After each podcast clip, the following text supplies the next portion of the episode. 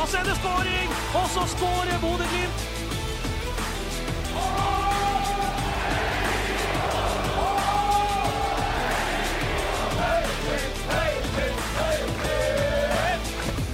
Riktig, riktig god dag og hjertelig velkommen til en ny utgave av Studioglimt-podden. Nå skulle vi jo etter planen sitte her og snakke om en fersk trekning i Europa. Hvem skulle Glimt møte, og hva er veien videre i det europeiske eventyret? Den gang ei, sånn ble det ikke. For eh, vi skal selvfølgelig prate om det som skjedde på Aspmyra torsdag kveld. Ajax ble til slutt for sterke, og Glimt er altså ute av Europa denne gang. Til å snakke om det, Stian Høgland, velkommen. Tusen takk. Som alltid Trond Olsen på plass. Takk for det. Og kjære lyttere, endelig har vi fått på plass tidenes første kvinnelige gjest i Studio Glimt-podden. Det er flaut å si det, det må jeg bare si. Men hun kommer seint, og hun kommer veldig godt. Elise Fossland, velkommen. Takk. Kvotert inn. Du er altfor seint ute, og det er kritikk til oss først og fremst, og ikke kritikk til noen dame, for å si det sånn. Jeg sier du er kvalifisert inn, ikke Ja. kvotert. Kvalifisert Det er godt å høre. Helt klart. Du er først og fremst journalist i NRK Nordland, Elise, men du har òg et eh, meget skarpt fotballhode. Jobba med å dekke Glimt eh, denne europasesongen her. Eh, Kommer fra Mo, men er nå i Bodø. Det stemmer. Hvordan er forholdet til Glimt? Forholdet til Glimt før 2022 eh, var nok ikke veldig, veldig sterkt. Eh, fikk selvfølgelig med meg suksessen eh, når Kjetil Knutsen kom inn, men norsk fotball har nok ikke først og fremst vært mitt eh, interessefelt. Og fra Mo så er det nok stort sett de fleste som følger med på Eliteserien som Ja, Mo har jo fotballag nede i tredje, andre divisjon de siste årene, så da har det vært Rosenborg. Og har i tillegg studert fem år i Trondheim, så det har vært mer naturlig. Men kan vel aldri si at jeg har heia på et norsk lag, egentlig. Før nå, selvfølgelig. Så du er ikke her som en supporter, her er du rett og slett fordi at du er skarp fotballfaglig og kommer med dine kvalifiserte analyser. Jeg vil si, jeg er selvfølgelig blitt supporter eh, siden jeg flytta hit. Eh, to uker etter jeg begynte, så var jeg på Roma-kampen eh, i april. Eh, 2-1-kampen, så det var veldig, veldig artig. Det var det, helt klart. Eh, når jeg satt og planla den båten her, så hadde jeg en- en nesten litt lyst til å gi en sånn hyllest til fotball. fordi at det, det er jo en kamp på torsdag hvor man knapt trenger å være interessert i fotball for å bli underholdt. Altså, den, den har alt. Den har røde kort, den har enorme sjanser, den har flotte mål, temperatur, kunst eh, og kontroversielle dommeravgjørelser. Eh, altså, det er to timer på Aspmyra denne vinteren her som folk kommer til å snakke om lenge, i mange, mange år. Eh, det er altså det vinterbildet som blir malt med gule og røde farger, Stian. Og, og jeg, tviler, jeg tviler på at det bildet henger på Aspmyra i mange år nå senere. Men så er jo spørsmålet da, kan man skylde på dommeren, eller har Glimt hatt alle muligheter til å gå videre på egen hånd? Det er det vi skal prate om i dag, så heng med.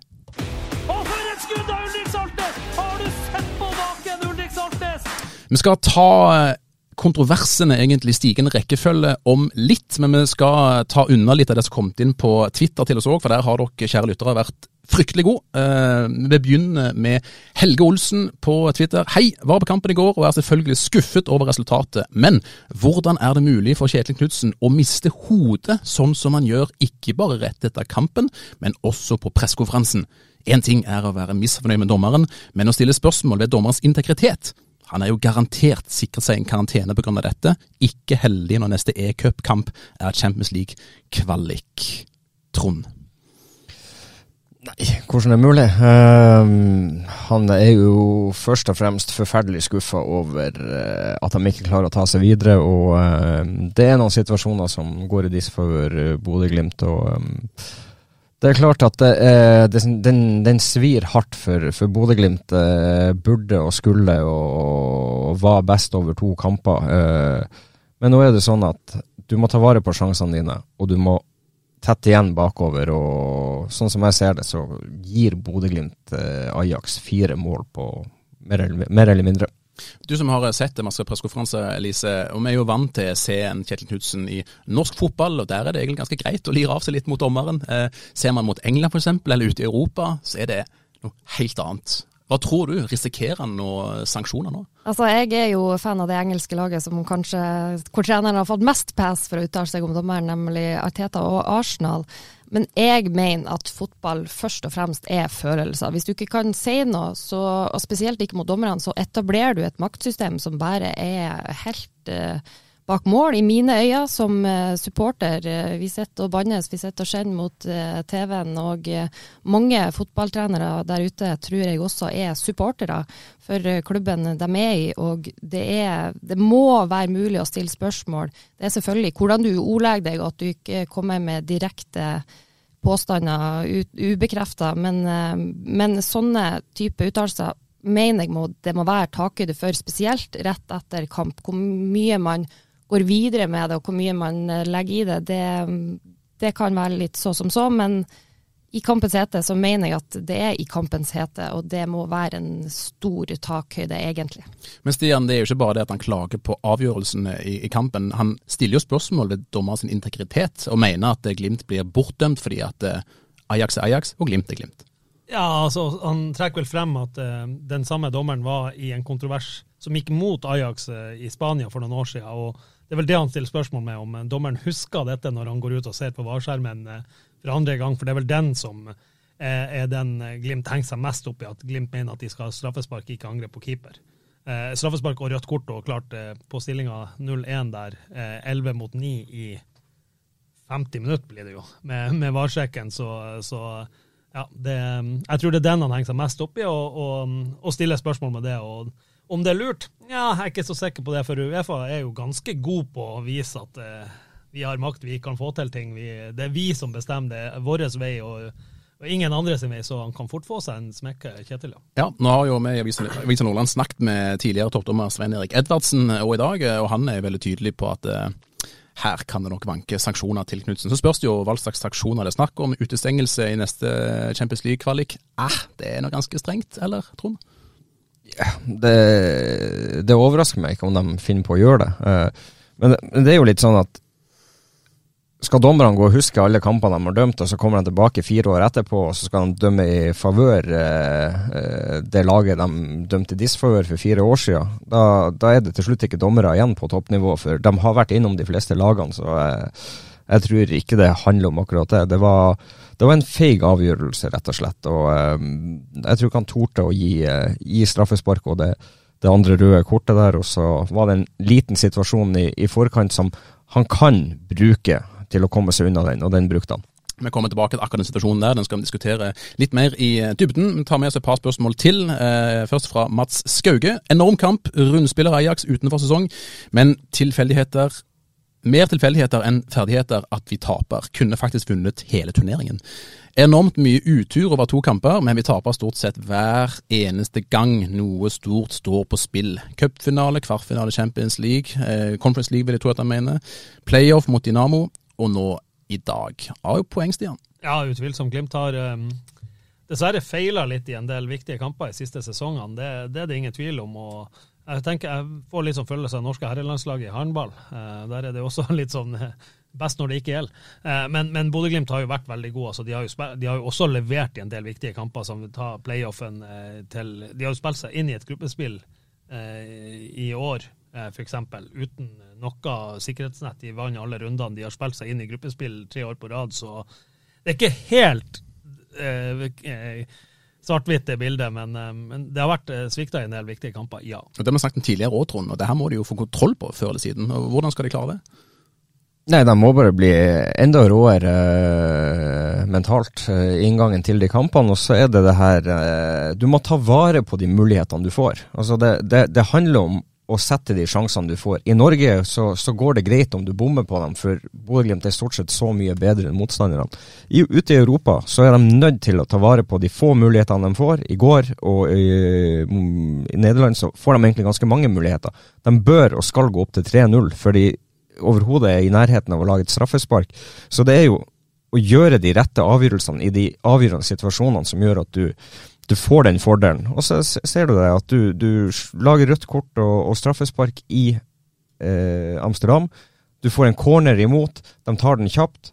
Du klarer ikke å få slått den ballen unna. Fredrik André er altfor langt inne, mister mannen bak seg. 2-2. Så det, det, det, det, er fire enkle mål de slipper inn. Og det blir avgjørende når du ikke tar vare på de mulighetene du har offensivt. Nå har jo Glimt vært i de situasjonene her en del ganger før, Elise, og bør man ikke begynne å lære og, bli sterkere på det her? At man klarer å vippe til noen kamper til sin fordel? Ja, man skulle tro det. Det er, det er rart med det som sitter oppi hodet. Det kan påvirke mye. Nå er, har jo Glimt vært gjennom eh, mye europaspill, men det har vært litt uh, utskiftninger tidligere. Men uh, likevel, de de har henta inn, er jo vant med, med, store kamper. Så sånn sett så skulle man tro at det ikke preger veldig. men det er merkelig det der. Det er, du ser det ofte at når det faktisk gjelder. Men det er jo mer det sette de sjansene de får, føler jeg de har hatt mest problemer med i det siste. For eh, ja, med expected goals så, så står det jo svart på hvitt hvordan kampen eh, burde endt. Jeg tror akkurat det her er jo litt sånn off-season. ikke sant? Den sharpnessen som du gjerne har når du har spilt masse eh, tellende kamper, bort fra, se bort fra treningskamper. Du som har vært spiller, hvordan er det? ikke sant? Altså, man vet jo at man, jo mer du får spilt, jo mer regelmessig du har spilt, jo tryggere blir du egentlig alt du gjør. Den siste lille bestemtheten eh, Jeg syns jo det mangla ganske mange ganger eh, rett foran mål i går. Jens Petter har jo to som, som vi mener at han skal skåre på ni av ti ganger. Ninoen har runde keeper, f.eks. Ulrik og Oskar med store ja. headinger. Uh, Albert som flikker ballen, og Ulrik er vel i nærheten der òg. Hvis han kanskje er enda råere og kaster seg inn, så får han blokkert en barnemål, i mål. Så det, ja, uh, det er noe med å være i sesong og det. Men, men vi, vi, snakker litt også om de her um, kampene i fjor. Det halta litt inn mot gruppespillet. Glimt var ikke veldig god i de kampene i Praha i eh, Praha var de gode, de var ikke så gode i Romania? Ja, ja i Romania mener jeg og I, i Romania og i eh, Armenia. Armenia.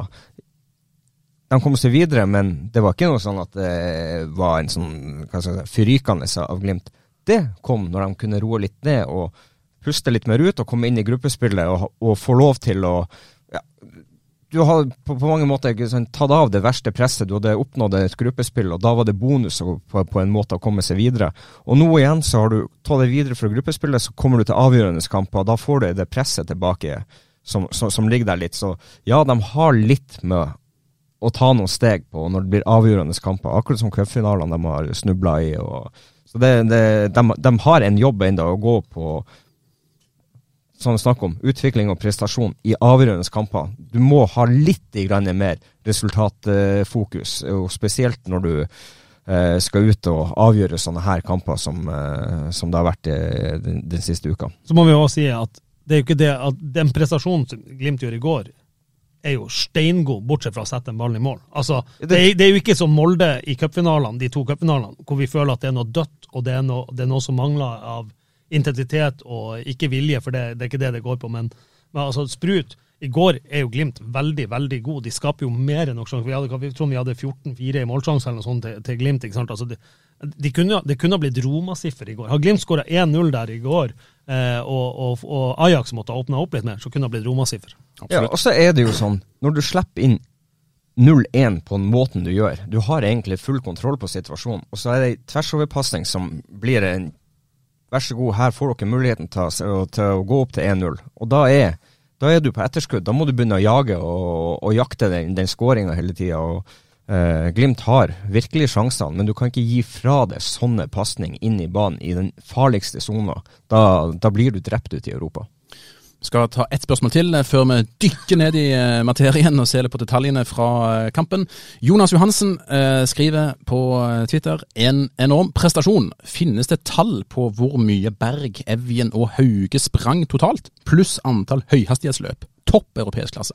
Her, ja. her, må du kunne svare. Jonas er ekte Tromsø-gutt som faktisk har vært opp, oppvokst i, i TIL og alt. Han er, han er, veldig nysgjerrig på det, og det, det, viser jo at de oppe i Tromsø følger veldig med på, på Bodø-Glimt og hva de gjør. Veldig glad for det. Altså, jeg må bare si at jeg har vunnet en fotballturnering jeg skåra 1-0 i finalen. Jonas Johansen var keeper på det andre laget. Så, Futsalturnering, just saying. Det var, mye, det var mye oppgulp i går på X-Twitter med, med, folk både fra Tromsø og andre plasser som eh, fryder seg over Glimt. Men uh, Jonas uh, engasjerer seg jo på en positiv måte. Og det er et godt spørsmål. Mm. Interessant spørsmål. Og da må vi svare. Selvfølgelig har vi svar på det. For. Ja, skal vi ta antall kilometer først? Nå er det veldig viktig å presisere at det, dette er høye tall, og det er for at tallene er, alle tallene vi presenterer nå, er med ekstraomganger, tilleggstid, absolutt alt. Den som sprang mest for Bodø-Glimt eh, mot Ajax, Jens Petter Hauge, 18,082 km. Altså rett i overkant av 18. Patrick Berg endte på 17 687 km. Nei, ikke kilometer, Meter. men meter. Meter, tror jeg, vi- tror, tror jeg vi sier meter, ja. ja. Eh, Håkon Evjen nummer tre, 16 707 17 meter, unnskyld. Og eh, nummer fire, Brede Mo med 16 482 meter. Eh, var også um, høyhastighetsløp. Da er det jo to forskjellige. Du måler eh, sprintmeter, er vel det som er over 25, et kilometer i timen. Der er Bris høyest med 489 meter. Jens Petter Haugard 350, Håkon Evjen 304. Når det gjelder Patrick Berg, så er han på 135, så jeg tror han er bedre å plassere seg. og Det er ikke så ofte han må opp i full spurt. Eh, hvis vi tar um, høyhastighetsløp, som vel er over 19,8 km i timen, da er Bri, um, Jens Petter Haug, Haug, høyest på 1393 meter. Håkon Evjen 1363 meter. Bris har 1180 meter, og Patrick Berg har 869. Det er mye tall. Eh, Hva er det som du biter deg merke i her? Er det noe oppsiktsvekkende? Eh, vi vet jo at, eh, at Bris er en, en som sprenger ofte på høy fart når han først gjør det. Jeg syns det er interessant. Eh, viser litt om hvordan fotballen har utvikla seg når en midtstopper er helt oppe på fjerdeplass over antall løpte meter, løpte meter. Viser litt også hvor høyt Glimt står. Den pushinga, hvor raskt de er etter. For vi, vi har litt av flere tall som vi skal komme tilbake til, som, eh, som viser det. Andre ting du Trond eh, legger merke til her hvis tallene?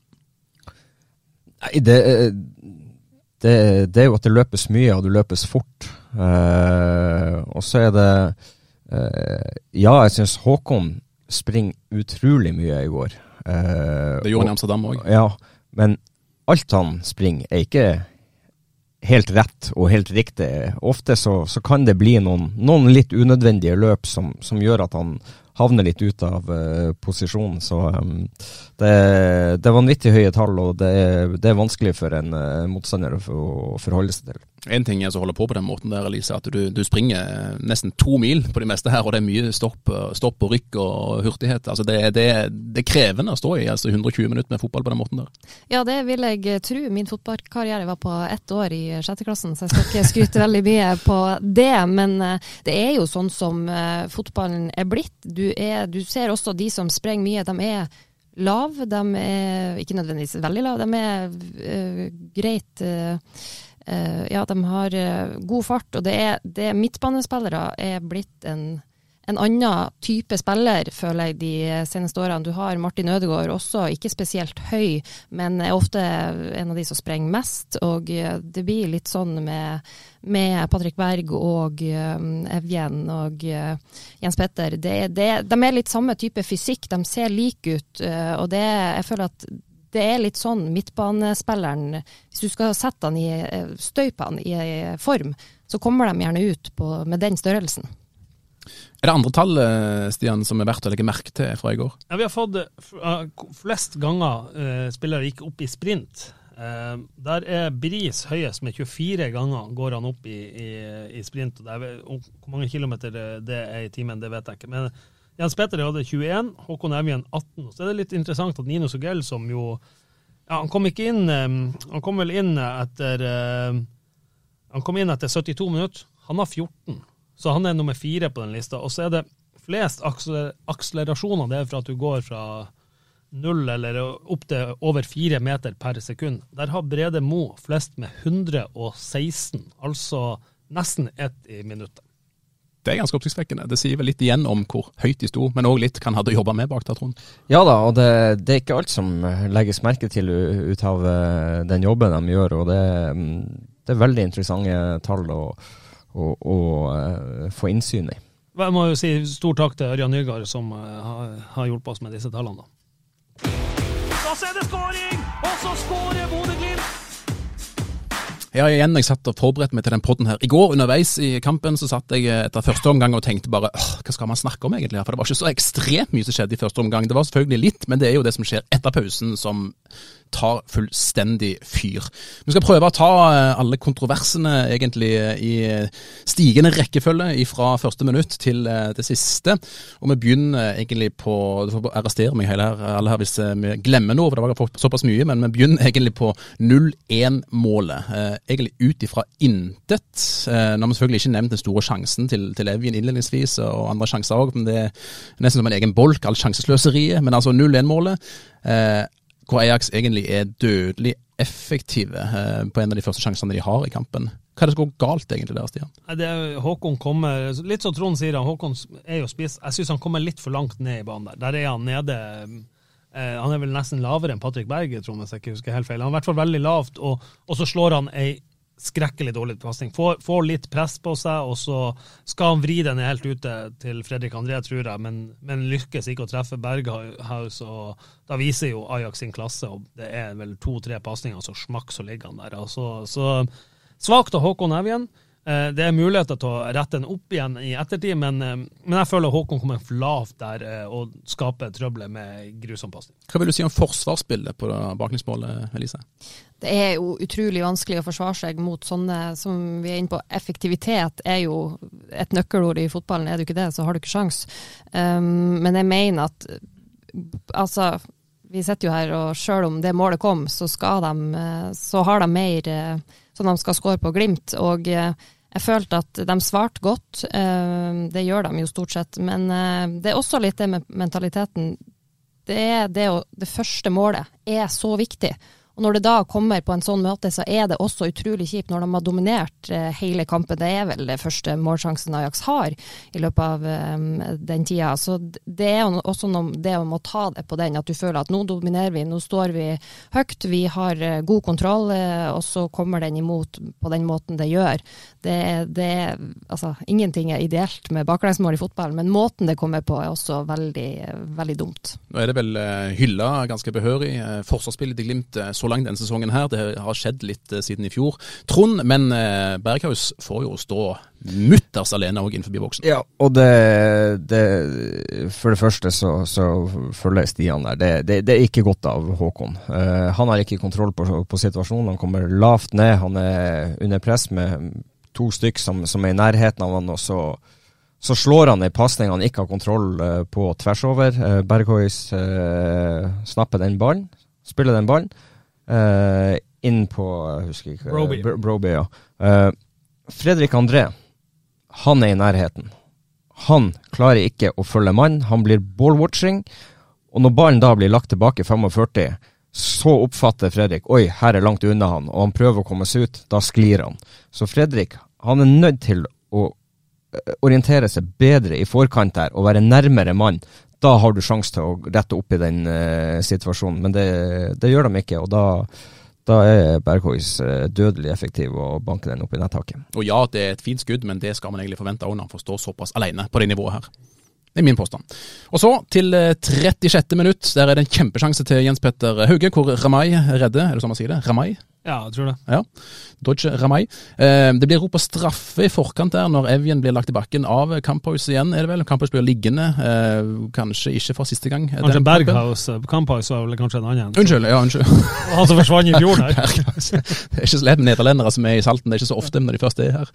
Så blir de behørig omtalt. Men, men han blir iallfall lagt i bakken i forkant der, Evjen. Og Jens Petter får jo ballen altså er det en meter eller to eh, før målstreken, men keeper redder. Si litt om den, eh, Stian. Skal Jens Petter sette den? Jens Petter skal sette når det ikke er straffe til Bodø-Glimt. Ja, ja, nei, det, det, er ikke nærheten av å være straffespark. Det, det, er en god forsvarsjobb der han er på ball og, og får kakka den vekk. Uh, Glimt får muligheten. Jens Petter han, han, blir for lessen. Han er nødt til, når den muligheten kommer, så er han nødt til å gjøre seg så sterk. Han er nødt til å stupe inn i den duellen og, og bruke hver eneste muskel han har i kroppen for å få den i, i mål. og det, det, er litt det der vi var inne på i stad. Hadde du vært i sesong og kanskje spilt flere kamper og hadde enda en mer instinkt og hadde litt mer selvtillit, så, så hadde han gjort det. Men uh, den er såpass stor, og de bør få mer ut av den, så uh, det er en stor sjanse tapt.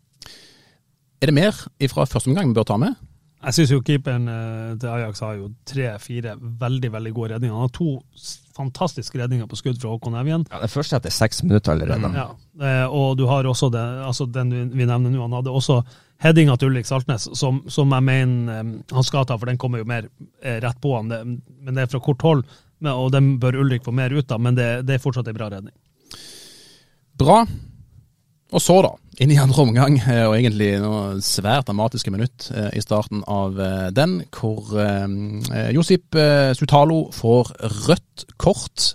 Uenig i den, Elise? Nei. Nei. Den er ganske klar. Ja da, den er klar, og det er så Håkon sier til oss i, i Mikson etterpå, at eh, han syns han er litt uheldig, for han prøver ikke å ta han. Men når han først legger han i bakken der, for Håkon kommer til å få tatt ned den ballen, mener jeg, og da er han alene med keeper, og da er det ikke noe å diskutere, det er soleklart rødt kort. 49 minutter, gigantsjanse hvor han eh, Grønbæk eh, hælflikker, som vi har snakket litt om tidligere òg, og det reddes på eh, streken. Bør vi være hvassere der, Trond, på returen, eller? Ja, det er også en sånn uh, situasjon der du kanskje enda råere hvis du har vært i sesong. Uh, og det er mulig å, å, å være først på den ballen òg, og så um, Der er det marginer. Det er godt forsvarsarbeid, forsvarsarbeid som, som er inne, og protect the box, som man eh, er veldig eh, opptatt av og, skal, skal være god på å forsvare målet sitt. og det, det gjør jo Ajax med bravur der. og Vi må jo også si at keeperen til Ajax hadde en strålende kamp i går.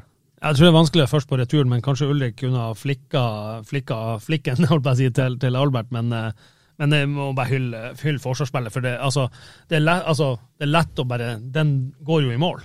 Eh, og ikke ha kontroll på at det kommer en eh, susende inn der og redder på streken. Det er hyller forsvarsspillet, de gjør jeg der.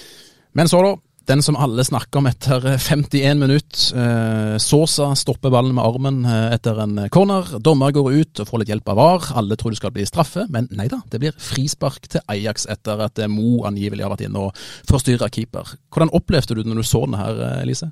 Altså, jeg VAR er jo Det er noe kontroverser der, men er det én ting som man kan se på statistikken, så er det jo hva det er 90-95% av tilfellene hvor en dommer blir sendt på skjermen for å sjekke om det er straffespark etter å ikke ha drømt eh, straffespark på banen.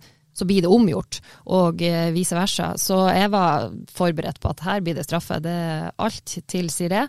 Eh, jeg mener at det her med beskytting av keeper det er, det er ikke et konkret regelverk for det. Det, er, det skjønn det er jo du mye av i fotball, men, eh, men eh, hvor mye beskyttelse en keeper skal få, det er det så mye opp og ned på. Og du ser holding, holdning, og du ser eh, ja, du ser så mange situasjoner hvor du, du blir ikke klok. Det blir litt som hands-regelen. Hvor går linja? Hvor, eh, hvor skal man legge den? Og jeg mente at eh, han eh, la lista for eh, lavt for hvor mye man skal kunne eh, forstyrre keeper.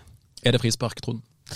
Jeg syns ikke det er frispark. Jeg syns den er altfor mild til å dømme frispark på. Det som gjør at han eh, velger å, å gjøre det, det er at eh, han er nødt til å bruke rødt kort nummer to etter eh, ja, tre minutter etterpå, etter det første. Og da, da er det en veldig tøff uh, situasjon, så jeg tror rett og slett han uh, bruker den situasjonen at ok, her har jeg mulighet til å komme unna det andre røde kortet. Uh, det, da dømmer jeg frispark på den, og ifølge regelboka så er det nok sikkert innafor, men jeg syns det er altfor mildt til å skal dømme frispark til keeper. Men skal man, ta, skal man tenke sånn at det blir det andre røde kort på kort tid? Altså skal, ikke, skal det ikke være likt uansett, eller? Ja, det bør du jo si, Eh, men- det, det er klart at det, det er ganske tøft å, å, å gi to røde kort på, på så kort tid. Eh, Og så eh, ja, er det veldig uheldig for Bodø-Glimt, for jeg syns oppriktig at det skal være straffespark og rødt kort, men det blir litt fake av dommeren. For å si sånn, Det er nøyaktig like mye kontakt mellom Brede Moe og keeperen som det er mellom Broby og Kjetil Haug før 2-2 på Amsterdam Johan Cruyff Arena for en uke siden. Og det er overhodet ikke et frispark i min verden. Altså, eh, Du er keeper, var keeper sjøl, Kjetil. Dere er noen overbeskytta jævla hele gjengen. Nei da. Eh, jeg syns det, det er direkte fake. Og ja, det, regler skal være regler, og skal, andre røde skal være andre røde, men det er dessverre mennesker som, som tar de avgjørelsene, og de blir nok påvirka. Og hadde Patrick Berg satt den ballen i mål, så hadde det blitt mål. Han ble aldri at han ble omgjort til et frispark. Det tror jeg du har helt rett i. Ja, det er eh, Selvfølgelig, godt poeng. Hvordan var det å møte Mo i mikseren etter det her, da, Stian? Han var jo litt himmelfallen der. Han hadde ikke sett situasjonen etterpå. Han følte at er keeper som hopper inn i han, sånn som eh, Kjetil Haug gjør i Broby eh, for ei uke siden. Eh, han, var, han, han var forbanna. Ja, han, han, var, han var forbanna, han var skuffa. Han var jeg, jeg, jeg tror han kjenner på at uh, det her er noe uh, Bodø-Glimt burde ha avgjort. Og de, med eller uten det røde kortet der, så burde Bodø-Glimt avgjort det her sjøl, for uh, det som vi var innom tidligere. Det, det, det, det er altså noen muligheter i begge de her to kampene. og uh, det er brutalt når man ikke tar vare på, på sine egne muligheter. Ok, vi hopper til 57 minutter, eh, til det, noe som ikke man skulle tro der og da skulle bli kampavgjørende. Det har det jo kanskje blitt, eh, for det er altså Albert Grønbæk sitt første gule kort. Hvordan ser du den, Elise? Jeg syns det er altfor mildt. Eh, eller det, det er jo Han mister jo litt hodet. Eh, men eh, det, er, det, det er også litt sånn 50-50-situasjon. Du har noen dommere. Det her med, med usportslig oppførsel er jo blitt eh, blitt tatt opp dissent, som de bruker i England. Det er jo blitt ganske eh, kontroversielt. Og eh, jeg føler heller der så, så er det ikke blitt lagt ei, ei god linje heller. Det, det er for mye, for mye uregelmessig dømming til at man, man kan se på situasjonen og si det der er sånn, eller det er ikke sånn. Så eh, For dere som ikke har sett kampen eller sett situasjonen, så er det vel Berg Hoys, ikke Kamp Hoys, men Berg Hoys som går i bakken. Og så skal eh, jeg bare Grønbæk eh, tilsynelatende gi ballen tilbake til han. Eh, kaste ballen, eh, treffe han i hodet, og Berg Hoys går i bakken på nytt. treffer han, treffer han ikke i skuldra, mer eller mindre. Ja, men det er fullstendig tullete å gjøre det. Altså, Ja. Hvorfor? La nå ballen for faen bare ligge der. Og så Legger er- du ballen ved sida han i så Ja, fall, ikke treff han. ja, Du altså gir det- dommerne mulighet, og dommerne tar muligheter. det, det er en usportslig eh, oppførsel å gå og kaste ballen på noen. På, på, om du treffer han i skuldra eller i hodet, det, det er likegyldig for meg. Det, det er så dumt å gjøre det, og gi dommeren mulighet til å gi et gult kort der. Og så blir det en masseansamling, og da er det sånn at det skal gis et gult kort. Og da er det Albert som starta det, og da får han det. Og det er kanskje et kort du får i Europa, men kanskje ikke hjemme i serie. Eller? Ja. Det kan godt være at du får det både i Europa og i Norge, så det, det, det har ikke noe å si. Det er bare så jævlig dumt å gjøre det for å sette seg sjøl i den situasjonen. Og så kommer du da til en situasjon litt seinere som gjør at du er litt for seint inne i en duell, og så er det gult kort nummer to, og så er du ferdig. Du, gir- du gir dommerne muligheter, og det, det er det samme som Det er like dumt som å skyte vekk ballen når dommeren har blåst. Det er det samme som, som eh, Selv om jeg har veldig stor forståelse for at folk river av seg drakten av og til for å vise frem kule T-skjorter og budskap og gratulerer bestemor med dagen og hva det ikke er. Du, gir, du vet du får et gult kort, du gir dommerne mulighet, og da, da, da må du da er, Hold det å tråkke en fyr på tåa, så blir du utvist. Absolutt. Eh, har han sagt noe om det sjøl, Grønbekk, om det her i etterkant, Stian? Eh, vi ba om å få han i miksen, men da han dro hjem. Det sier sitt. Ja, klart Albert han skjønner jo at det der var dumt. Altså, Albert er jo en smart gutt, og han skjønner jo at, det, at eh, hvis Glimt hadde fått fortsette 11 mot 10, så hadde de hatt mye større sjanse til å vinne. Og så var han nok veldig skuffa over egen prestasjon òg, for han var jo ikke i nærheten av det han leverte i Amsterdam. Tre på børsen, er det det? Husker jeg husker rett? Ja, vi vurderte to òg. Ja. For han er med, med å ødelegge kampen for Glimt. Og så er det det. det, det. Altså, han leverer en fantastisk kamp i Amsterdam. Ajax vet at han er god. De kommer til å gjøre alt for å ta han ut av kampen, frustrere han og, og få han irritert og forbanna. Og det, det klarer de jo. Eh, og de, eh, de, de klarer å få han til å ødelegge store deler av andre gang for Bodø-Glimt òg, når de har eh, moment og de har en mann mer. Så det er ja, det er, det er bare jævlig synd at det skal bli sånn. Og der har kanskje Ajax gjort hjemmeleksa si enda bedre før den kampen her, før de gjorde første oppgjør. Både med å ta ut Grønbekk, men kanskje òg Berg. Ja, men det er kynismen de har ute i Europa. De bruker de mulighetene de har for å komme inn under huden på motstanderen. Og kan du hente en margin her og en margin der, så tar du alle du kan for å komme deg videre. Det, det er sånn det er. I, i Bodø så har de veldig utvikling på, på prestasjon og utvikling. I utlandet er det stort sett mye mer resultatfokus på det, og da ser du sånne ting at de er, prøver å ta hver eneste margin på alt de kan. Ja, Og åtte minutter senere så skjer det som altså, um, fort skjer, at han får sitt andre gule kort. Eh, Stemplingen, det er vel ikke noe å si på den, Elise? Det er gult kort? Nei, det det, det er svart på hvitt. Det er gult kort. Ja. Bra. Eh, Da hopper vi til eh, 78 minutter. Jeg vil bare ta med den òg, hvor det blir gul kort til eh, Ajax sin keeper og Nino Sugell. Eh, Hvordan ser du den, eh, Stian? Nei, Nino er vel eh, var ikke noen veldig gode TV-bilder vi fikk se der. vi der vi satt. eh, Han hoppa vel inn for å prøve å blokkere, for keeperen brukte ganske lang tid på å sette i gang et par ganger. og Var nært at Håkon klarte å blokkere den et par ganger.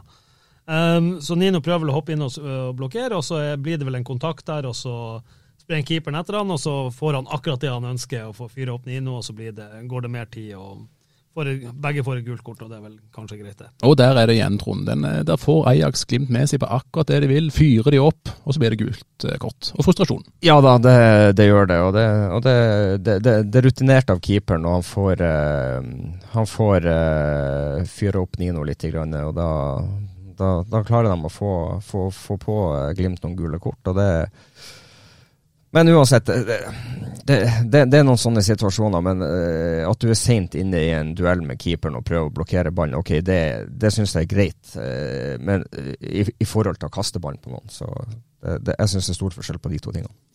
Heng med, kjære lytter. Jeg har notert noen kontroverser til, for vi er jo ikke ferdig med kampen ennå. Jeg vil innom det 88. minutt, og skal vi snakke litt mer om eh, dommeren, for da blåser dommeren frispark til Glimt.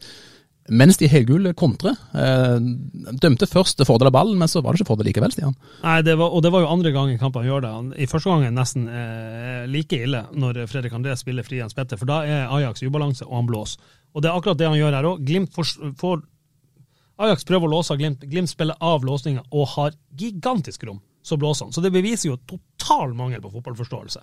Det, han ber om unnskyldning på det i første gangen. Da rekker han opp hånda. 'Sorry, jeg burde jeg blåste for tidlig'. Det Og denne, og denne første omgangen, der er jo faktisk eh, helt feilaktig eh, Ingen oppe, oppe, ja, offside. Ja. Så det, Ja. Men eh, Og også, Han viser total mangel på fotballforståelse. Når du har gjort det én gang, og når du da venter for Han, han blåser vel, Tom, vi, vi går jo tilbake og sjekker. Ja, han blåser vel i det øyeblikket passingen går inn. Så han blåser jo når han ser at de løser opp situasjonen. Fullstendig hjelpeløs dømming. jeg fikk, eh, jeg fikk kjeft så det holdt av Freddy oppe i presseboksen i går. For Med rette. Ja, men jeg ville se igjen når er det dommeren blåser. Blåser han før ballen blir spilt inn i banen, eller, eller ikke? og uh, det, er, det, det er så dårlig gjort av dommeren at uh, den fotballforståelsen der, den er, den er under all kritikk. Fikk du en klassisk hårføner av Freddy, bare for å spurt om det? Ja da, Nei, det var ikke i nærheten av en klassisk hårføner. Det var, det, det, det var en En mild- mild bris. Det var, det var, det var, det var hakket opp på én på hårføneren, av, av ni hakk. Bra. Eh, Vi er inne i tilleggstiden, eh, Elise. Jeg vil snakke om det som skjer etter eh, 90 pluss 5 minutter. Eh, Saltnes sitt annullerte mål. Eh, Men helst Amundsen på skuddet hvor Saltnes setter ballen i mål. Eh, Saltnes er i offside. Men når Amundsen får den, skal han treffe bedre? Skal han sette han i mål? Det er jo keeper som redder, men eh, ja. Var det ikke Jens Petter? Er det Jens Petter. Ja, Ja, Jens Petter, unnskyld. tenkte selv om jeg hadde gått glipp av noe. Ja. Men eh, nei, altså Jeg mener jo Jens Petter har jo vist at han setter de uh, før, så, så det er en, også en liten sånn Jeg vil kanskje gi det 70, 30, 80, 20 på at han burde, burde treffe. eh, og så får vi jo Jeg sitter på det feltet, får ikke helt, eh, helt med meg alt som, eh, som skjer, rett og slett. Og vi får jo heller ikke den offside-situasjonen i reprise. og vi kan ikke, Jeg får ikke gjort opp noe, noe veldig stor mening der og da, men, men jeg, jeg mener han hadde, han vært, eh, hadde vi vært i, i mai, så hadde han eh, mai-juni, så hadde han støttet den. Enig, Stian? Ja, jeg er helt enig. Ja. Og offsiden er grei nok. Det, de, finner, de finner bilder som, eh, som viser tåa til, eller litt av kroppen til Ulrik innafor. Og, og, og det er jo det som, som jeg syns er fint med VAR. Det blir stort sett rett i disse strekene de setter, men eh, men, eh, så den, og, det, og det er ikke sånn at den har blitt stående eh, uten var heller, for eh, flagget kom ganske tidlig. Så, så den, er, den er grei, men eh, det er jo Jens Petter som bør sette den. No- Nok ei strålende redning av keeper, men eh, ja, det burde vært Ja, og det er noe, noe av en, av de her sjansene som, som, som bør omsettes i mål. og det, det er klart at du har hatt ganske mange, Vi har pratet om ganske mange nå, og de er store. Det er ikke noen sånne eh, halvsjanser, det er ganske store sjanser som, som ikke blir omsatte. Og når du får x antall ut av dem mot en motstander som Ajax, Ajax og ikke setter dem, så, eh, så har du trøbbel med å vinne kamper. vi har, vi har, alt vi har nevnt nå, så har vi ikke nevnt at på denne tidspunktet så har Glimt truffet tverrligger to ganger. Ja, det er helt sant. Og det tredje kommer eh, etter hvert. Men jeg må bare spørre òg, Trond. Det, det, er tidlig ennå. Jens Petter har ikke spilt mange kamper etter tilbakekomsten. Men eh, jeg var sjøl ute og stilte spørsmål eh, om det her når Jens Petter ble, og Håkon ble henta tilbake. Det var jo hyllest og furore, eller ikke furore, men det var enorm jubel eh, å få det tilbake. Men eh, man kan ikke forvente at de er tilbake, eller at de er i enorm form, og at de er knallgode med en gang de kommer. Og vi begynner kanskje å få svar på det nå? Ja. Um Jens Petter han, han, kommer til å komme, uh, og jeg tror han kommer til å bli veldig god for Bodø-Glimt. Uh, han, trenger, uh, han trenger å bli enda litt sharpere, litt, i litt bedre form. og få det her litt mer killerinstinktet inn, og det tror jeg kommer med litt selvtillit og, og, og, kamptrening. Når det gjelder Håkon, så ja, han gjør jævlig mye bra i kampene. Og så er det sånn, Han har en sånn fantastisk tofotsdragning ute på sidelinja. Dra med seg ballen inn i banen, og så skal han drible en mann. Der må han lære seg. Her skal ballen vendes. Den skal ut på Albert Grønbæk, som er motsatt, og så får du løst opp hele. Der må han bli bedre. For når han får det inn, og klarer å gjøre de her detaljene for å så bruke medspillerne rundt seg som er i bedre posisjoner. Da blir det bra, og da kommer eh, Håkon også til å komme i mange mange gode eh, situasjoner fremover. Jeg tar, tar Jens Petter, som vi snakker om i forhold til sharpness og spilletid. Sånn, han, han, har ti kamper i Bundesliga i år. Det høres jo ikke så verst ut. 137 minutter. Sånn, altså han, spiller, han spilt i 13 minutter, i, snart, knapt 14 minutter i, i snitt. Eh, han har eh, i 2024, altså 2023-2024-sesongen, så har han 19 kamper eh, og 669 minutter, tror jeg det står. Eh, og da vet vi at han spilte 120 for Glimt i går, han spilte ganske mye mot Ajax sist. Så, så, han har jo ikke mye fotball i beina. Det er ganske lenge siden Jens Petter har spilt mye fotball. Og det er klart at det har noe å si. Altså, det er ikke bare å skru, ta på sånn, gi han en gul drakt, så er alt tilbake i, i vater. Han blir å bruke tid. Men han kommer, det kan du forsikre om. Eh, ja, eh, kan aldri være sikker i fotball, men ja, jeg tror han kommer. Bra. Vi skal inn i ekstraomgangene etter 94 minutter, hvor Nino Sugell spilles fri av Patrick Berg på lekkert vis. Sugell kommer forbi keeper, målet er åpent, men han Tidenes bom, Elise, du sitter og flirer. Ja, jeg føler jeg har sett den type Kanskje litt for ofte av Sugell. Han blir litt for heit på grøten. Eh, klarer ikke å, å ta det halvsekundet, eh, ikke det engang, det millisekundet det trengs for å, å tenke seg litt mer om. Um, og det er mulig man kan uh, ta det med på litt lite kamptrening i det siste. Han uh, har jo som regel vært innbytter uh, på Glimt den siste tida òg, men, uh, men, det er det her sharp, sharpness og det, det avslutterinstinktet føler jeg ikke jeg ser av han helt. Men det er altså i kampens setetron, Han vet at når han ser målet åpent der, så kan han være med å avgjøre en playoff i Conference League. Han har kanskje ikke den selvtilliten som han eh, vil ha, spiller lite. Det er foran Ajax-fansen. Eh, er det lett å forstå han litt òg? Det går fort, eh, og det skal eh, Du runder keeperen, og du, du vet at målet er åpent, og det, det, det, rekker kanskje å gå en tanke gjennom hodet. Oi, nå kommer jeg til å skåre, nå, nå, kan jeg bli helt der. Jeg, jeg tror det, den tanken går igjennom, og så mister du et lite fokus der. Jeg skulle ønske han tok ett touch til, for når han avslutter, så er han i veldig ubalanse. Du ser det når han kommer forbi keeperen, så er han i litt ubalanse, og så vil han avslutte fort, før han vet at målet er åpent. Og så har han kanskje i øyekroken at det kommer en Ajax-spiller springende der som kan dekke målet. Men tar han ett touch til, så får han enten åpent mål, eller så har han to Glimt-spillere på åpent mål. Så, eh, Men den, den, vinkelen hans er ganske spiss allerede, og den blir kanskje enda mer spiss hvis han tar et ekstra touch? Nei, den blir ikke det, altså, den blir perfekt, da, for da får eh, forsvarsspilleren, og så har han to på åpent mål. Eh, men jeg mener uansett at han skal treffe innenfor stengen, så avslutninga er dårlig. Så skal vi til eh, avgjørelsen i kampen etter 113 minutter. Vi tar med oss først den redningen som Kjetil Haug gjør eh, når Appkom kommer alene der, Stian. Der eh, retter han jo opp eh, litt den nervøsiteten vi så tidligere i kampen. Der, det er en veldig god redning, ja. Absolutt. Men så er det det som skjer på corneren eh, etterpå. Den svinges inn, og plutselig så står eh, innbytteren Åh, Taylor. Taylor. Taylor, ja, takk skal du ha. Står helt alene tenker jo ikke når han får ballen der at oi, her blir det farlig, men så blir det det likevel. Eh, Kommenter Haug først og fremst, Elise. Eh, det, det er jo det der han, Det er jo hva han, hva han forventer i hodet. Forventer han et skudd, eller forventer han et innlegg? Han må plassere seg deretter. Eh, det blir en sånn en, en, kombinasjon av det som Taylor gjør, så, så jeg tror han, han, ja, han feilberegner, det gjør han. Men, men en avslutning, om man kan kalle det det. Den er, er forholdsvis god, den. Men han er nok litt eh, feilplassert, det vil jeg påstå. Hadde Haiken tatt den, eh, Olsen?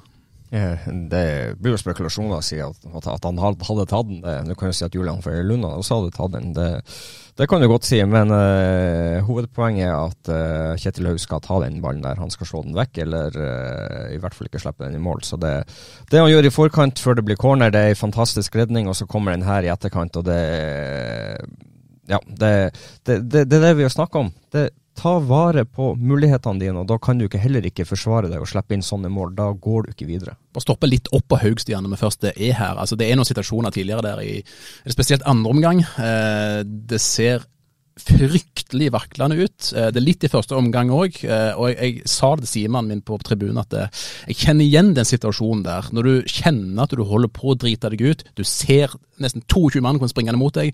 Det er ikke lett når du er keeper. men Ah, skulle forventa mer av Haug. Ja, altså Han, han kuker det jo til på et par, par tilbakespillere, men jeg syns han klarer å beholde roen når han først har rota. Så klarer han også å beholde roen og slå ei god pasning etterpå. Eh, på målet så er han vel en, han står vel en, en halv meter, en meter for langt frem. i forhold til hva som er ideelt. Det er også Hvis det kommer et innlegg, så skal han og ut skal ut i feltet, så står han litt for langt frem i forhold til å nå inn, for innlegget kommer gjerne mot bakerste. Eh, og Så er det en annen vi må ta på den. For Det presset Adam Sørensen gjør der, det er altså Gutter 13-fotball eh, snur ikke ræva til sånn som de gjør der. og han, Der må han komme seg opp i press. Det er hans første, det viktigste jobben å gjør. Kom deg opp tett der. Eh, så, så, det er en feil, og så blir det følgefeil med, med Kjetil Haug, som selvfølgelig skal sørge for at den ikke går i mål. Bra. Og så er det jo selvfølgelig til slutt situasjonen som oppsummerer egentlig hele kampen. Eh, Berg får eh, frispark, og det står jo skrevet i stjernene, eller ikke, at den skal klinkes i mål, men han smeller han selvfølgelig i eh, tverrliggeren, og så ebber det ut. Og Glimt sitt europaeventyr er over for denne gang. Den, du som skrev det, Stian, i børsen, at den tverrliggeren står vel og dirrer ennå bare Aspmyra? ja da, det, det det, altså Du sier det sto i stjernene som skulle skyte den i mål. Nei, jeg følte at det sto i stjernene at den skulle gå via Ajax beste spiller, keeperen, og tverrliggeren og over. Tverrleggernes kamp, Elise. Det var den tredje i kampen? Eller? Ja, det var det. Det savna Pellegrino sin fot, denne kampen. Jeg føler det var en kamp eh, hvor, eh, hvor enkelt eh, Glimt hadde ikke, hadde ikke den enkeltstjerna som, som, kunne redde. Det kunne ha vært uh, Albert Grønbæk om han hadde blitt på banen, det vet man jo ikke. Det, men uh, Berg leverte sin del av den enkeltmannsprestasjonen med, med langskuddet sitt. Og så kunne han ha dobla det med frisparket, men uh, det var det var, det var det her enkeltmanns, og det så vi jo, det ble jo på, på det avgjørende målet. Det var jo en enkeltmannsprestasjon, selv om den ikke var supergod og, og, keeper skulle tatt den, så var det, én mann som, som, avgjorde. Og det tror jeg Jeg tror Hadde vi hatt uh, Faris Pemi eller Pellegrino, så, så, hadde det vært uh, dem som hadde hatt den rollen. Da kan jeg arrestere deg med en gang, for hvis du ser på de tallene vi har gått igjennom helt i starten her, eh, med intensive løp og det er måten Bodø-Glimt ønsker å spille på, så tror jeg ikke du hadde fått eh, det samme i kampene eh, med Pellegrino og Faris Pemi. Utdyp det. Du, du, du tror ikke du har fått 18 km fra Amal? Nei, det tror jeg ikke. Jeg tror ikke, tror ikke jeg hadde fått det. Og jeg tror heller ikke jeg hadde fått eh, alle de høyintensitetsløpene som uh, Håkon Evin også har. Det, jeg tenker kanskje mer på de siste ti minuttene når vi er på uh, altså, andre ekstraomgang. Så, er det, så er det en enkeltmannsprestasjon som jeg tror uh, kunne ha avgjort det, ikke, ikke, de resterende 100 minuttene. Jeg, jeg tror jeg er helt enig. Hvis jeg kunne ha brukt Jens Petter på alt, og så kunne Amala få stå der akkurat da han skulle sette en ball i mål. Men, men også, i forhold til tallene vi nevnte, så må vi jo nevne at Håkon Heving går ut etter første ekstraomgang, så han, han har et kvarter mindre enn enn, de, enn flere her, og hadde nok hatt flest eh, sprintmeter hvis det ja, og, og, det, og, det, er jo også, vi, vi, vi kan si at det er enkeltspillere og målpoenggjørere som, eh, som mangler. Ja, det er vi klar over. Og det visste vi at kom til å skje når eh, Bodø-Glimt tok de valgene de, de, har gjort.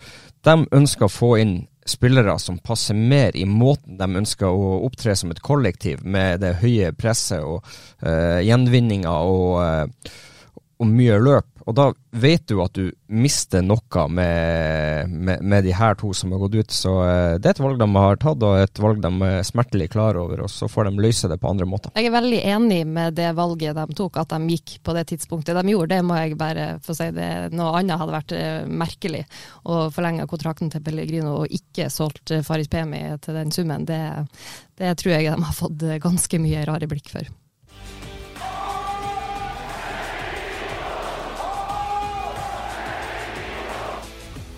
Tilfeldig valg av jingle? Nei, var ikke det. For det, det, drar oss jo over egentlig eh, på neste tema. For hva hadde egentlig, eller har Glimt gjort eh, rett på overgangsvinduet i vinter? Eh, vi må snakke litt om, om spisser rett og slett, og, og angrepsrekka. Aller først, Stian, sånn i retrospekt, var det, var det rett å putte Evjen som spiss på disse to kampene? Sånn som jeg har sett treningene og hvem som har vært frisk og tilgjengelig, så vil jeg fortsatt si ja. Eh, Oskar Kapskamo eh, er en spiller jeg har vanvittig trua på, sånn over tid. Han har fått litt, eh, som særklasse, så han fått litt den eh, treningsdøra litt i ansiktet. Jeg holdt på å si endelig, for den venta jeg på at han skulle få egentlig hele fjor høst. Fra å gå og trene tre-fire ganger i uka i Nordlandshallen til, til eh, fem-seks ganger i uka med Bodø-Glimt, og den intensiteten som er den hadde jeg forventa at han kom til å bli, sånn som veldig mange blir, når de tar det seg at de blir litt tung og trege en periode. Det føler jeg at han er nå. Jeg føler at han har ikke den sharpnessen som han hadde, eh, eh, og som han kommer til å få etter hvert. Syns han hadde et veldig fint innhopp i går. Han burde, han burde ha skåra, men jeg syns ikke han har vært så sharp som jeg hadde håpa i de siste ukene. Derfor syns jeg var rett med Håkon. Men bare ta en jeg synes, ja, Det eneste jeg vil tilføye der, det, eneste, det, det, det er at jeg syns at Oskar skulle komme inn litt tidligere enn det han gjorde. Det er vi enige mm. Og det satt vi og diskuterte. Uh, få inn den uh, uh, luftstyrken, en mann som kan holde litt mer på ball. Han skulle komme inn litt tidligere, så tror jeg kanskje du hadde klart å uh, få litt mer ut av det. Men sånn jeg har blitt fortalt òg, så skjønner jeg jo at han har ikke fått trent optimalt heller, Oskar, nå i det siste, fordi at han har slitt med noe muskelfeste uh, oppi setet. Han, ja, han, hadde nok, han har gått mye med Han fikk ei lårhøne, blant annet, og han har gått mye med bandasje på låret, og har ikke fullført alle treningene. og Kanskje derfor han så litt freshere ut nå enn han har gjort for et par uker siden. så Eh, at han ikke har trent så mye. Men, men eh, eh, han, jeg mener at jeg tror ikke han har vært et reelt spissvalg fra start i Kjetil Knutsen sitt hode de siste ukene, rett og slett for at han har vært litt uh, tung og litt uh, det, det, Han har egentlig vært en halvmeter for sein på trening, og i, også i de kampene i Spania hele veien. Uh, ser bedre ut nå, da, og jeg syns igjen han hadde gått innhopp. Jeg er enig med Trond, han burde ha kommet inn litt før. Hvordan ser du på det, Elise? Altså, nå har det jo vært et overgangsvindu der Glimt har henta eh, mye. Eh, de har ikke henta noen eh, spiss. Eh, de vet skadehistorikken til Rune Espejord. Eh, de vet at Kasper Høeg ikke er tilgjengelig. Eh, de vet at Oskar Kapskarmo kommer fra andredivisjon og angivelig har slitt litt med å få trent ordentlig. Burde de hente en spiss nå i vinter? Det er alltid lett å være etterpåklok, men jeg tror også at det er blitt uh, mer vanlig i mange lag å fordele uh, og ønske en stor bredde med målskårere, sånn at du ikke får den der uh, ene spissen som du er avhengig av. Det er vel stort sett ja, i England du har Erling Braut Haaland, men det er liksom det er City. De klarer seg likevel. Men den reindyrka spissen som skal stå for 50% av målene, om ikke mer, til en klubb, det, det tror jeg blir ganske så feil taktikk. og eh, vi har midtbanespillere som kan, eh, kan, levere, kan levere gode målpoeng. og eh, Nå skal ikke jeg gå for langt inn i hodet til Kjetil Knutsen, men det er mulig han ønsker å, å skape den bredden på målskårere for å og i tillegg ja, sørge for at det blir, blir en vei å gå. Du kunne gjerne hente en spiss, men da måtte du ha uh, fjerna Håkon Evjen, Jens Petter Hauge eller uh, Jostein Gundersen. Så uh, da hadde du hatt et annet valg. Hvem du fjerner deg fra troppen til fra Europa? Troppen til Europa ja. Vi fikk bare ta inn tre stykker. Så, så, så, ja, du kunne hente en spiss, men da måtte du ta den ut av de andre ut. og da... Da, da, har du også fått et valg som kunne ha blitt skjebnesvangert fordi at du mangla kanskje en stopper som du hadde bruk for, du mangla kanskje en midtbanespiller som du hadde bruk for. Så det, det Veldig vanskelig, det der. Eh, også, og, og, eh, at Glimt har jakta spiss, Det er jeg 100 sikker på. Det er sånn som, samme som i fjor, når vi snakka om at stopperne sleit. Glimt jakta stopper i fjor. Så er det å finne den rette. Og hente en spiss bare for å hente en spiss. Hvem skulle de henta? La oss si at, la oss si at eh, du ja, vi, Ja, de, var- de var interessert i Ilic, men han ble uoppnåelig for dem. Ja, ikke sant, det er over 50 millioner. Si, ok, Skal vi hente Berisha i, i Molde? Ja, det er 50 millioner. Ikke sant, Blir det å kreve, eller 40. Ikke sant? Ikke som, ikke, som ikke har levert noen ting. Som, som kun har levert til Viking, egentlig. Botheim. Botheim, ja, det prøvde de sikkert på. Eh, hva koster han? Hva er lønna hans? Ikke sant? Det er jo også der at Glimt har prøvd, ja. Eh, så jeg er ikke så sikker på at Botheim kunne tenkt seg å komme tilbake til Bodø igjen. For det, han hadde muligheten til å komme hit når han dro til Italia òg, og få en korttidskontrakt her i en høst Glimt trengte spiss. Så nei, eh, Bodø-Glimt har garantert sondert markedet og ikke funnet, funnet den rette. Så er det jo som, som Trond er inne på, hvem skulle du ha tatt ut? Eh, det er jo tydelig at de har lyst å bygge et forsvar rundt Jostein Gundersen. Em, så han er jo der. Håkon Evjen, ja, det tror, jeg tror det, og når du lokker han hjem til Bodø By the way, du får ikke være med i Europa. Ja, Jens Peder Hauge, by the way, du får ikke være med i Europa. Jeg tror det kunne vært vanskelig å argumentere for et par av de. Eh, Men du tar ikke ut troppen når du henter spilleren. Nei da, men, men sånn, du sier jo Du gir jo litt signaler. det er jo et innsalg for å få spilleren hit. Uh, og så er det liksom hvem skal spille venstrekant du er fortsatt solgt av Mal Pellegrino. Du henter spissen. La oss si at du tar Jens Petter ut av den troppen. Hvem skal spille venstrekant? Mm. Ja. Det, det, det, altså, så jeg skjønner Jeg skulle gjerne ha sett eh, på å si, Bruk Braut Haaland, en stor, sterk spiss som, som står der oppe og vinner dueller og skårer mål. I Bodø-Glimt mot Ajax, selvfølgelig, vi ser jo at man har trengt det. Men jeg klarer ikke helt å se hvem, og innenfor den prisramma som, som Glimt kan hente. Og jeg har ikke noen gode navn, og jeg klarer heller ikke å se hvem burde de heve ut av troppen. Hva er status på Kasper Høgner, bare når vi er inne på det? Han trener i hvert fall eh, alle treninger. Jeg blir ikke overraska, uten at jeg har spurt noen om det, så blir jeg ikke overraska om vi får se han på ANTV på torsdag klokka tre mot Sarpsborg i LSK-hallen. Ja, der uh, breaka du den. Uh, Ja, altså det, det er bare en sånn feeling har, for jeg syns han har vært med såpass mye på trening i det siste at uh, jeg tror kanskje det kan være en mulighet. Spennende. Du breaker jo òg at eh, AN eh, sender oppgjøret mellom eh, Bodø-Glimt og Sarpsborg 08 førstkommende torsdag klokken tre i LSK-hallen. Så er det bare å rigge seg ned. Eh, Det skal jo være i hvert fall en treningskamp til før seriestart. Da er det jo Molde, det er vel uken før, og så blir det vel kanskje noe innimellom der òg, Stian. Ja, Glimt. eh, jeg snakka med Truls Bjerke, mm, som, som ordner mye av dette. Dette hva Glimt gjør i, i, ukene. mm, Team manager er vel kanskje rette ordet på han. Eh, Jeg snakka med han i dag, og det er ikke noe som lander, men de, de vurderer veldig mye. For det, veldig mange av lagene har jo sittet sine treningskamper. Så Glimt sjekker om de kan reise til Spania igjen. Er det mulig å få gode treningskamper der? De kan reise Det blir ikke Thailand, Trond, vi spurte han i går. Vi, vi, jeg sa at vi, vi kan godt ta en tur til varmere strøk, vi har sånn ordentlig varmere strøk, men det ble det ikke. Men Jeg, eh, jeg, jeg foreslo også at han kunne dra til Japan og prøve å spille mot det norske japanske laget. som, han, som han Kasper Junker meldte at det heter Urava-Glimt. Og, altså, og han, i motsetning til veldig mange Glimt-sportere, klarte å skrive Bodø-Glimt rett med skråstreken. Så han Urava-Glimt med skråstrek. Nei, eh, eh, Glimt jobber med hva skal de gjøre disse ukene. For de må få satt gode treningskamper også her. Og om det blir i Norge, eller om de drar en annen plass og får spilt eh, Det er veldig mange norske lag som er i Marbella også i mars, så det kan fort bli det. Vi vil bare ta eh, litt fra kampen i går òg, før vi legger den eh, bak oss. Vi har snakket en del om eh, Jens Petter Hauge på venstresiden. Vi snakker litt om høyresiden òg, Elise. Den snakket vi om her i podden etter kampen i Amsterdam òg. Sørli får fornya tillit der. Sugell kommer inn etter hvert. Vi så hvordan det gikk. Vår Glimt har en ny høyreving. Jeg uh, syns Sørli gjorde det veldig bra i Eliteserien forrige sesong. Uh, syns han har slitt mer nå i de kampene som har vært. Den, det her ble jo tatt av også, var vel første som ble tatt av i Amsterdam i tillegg.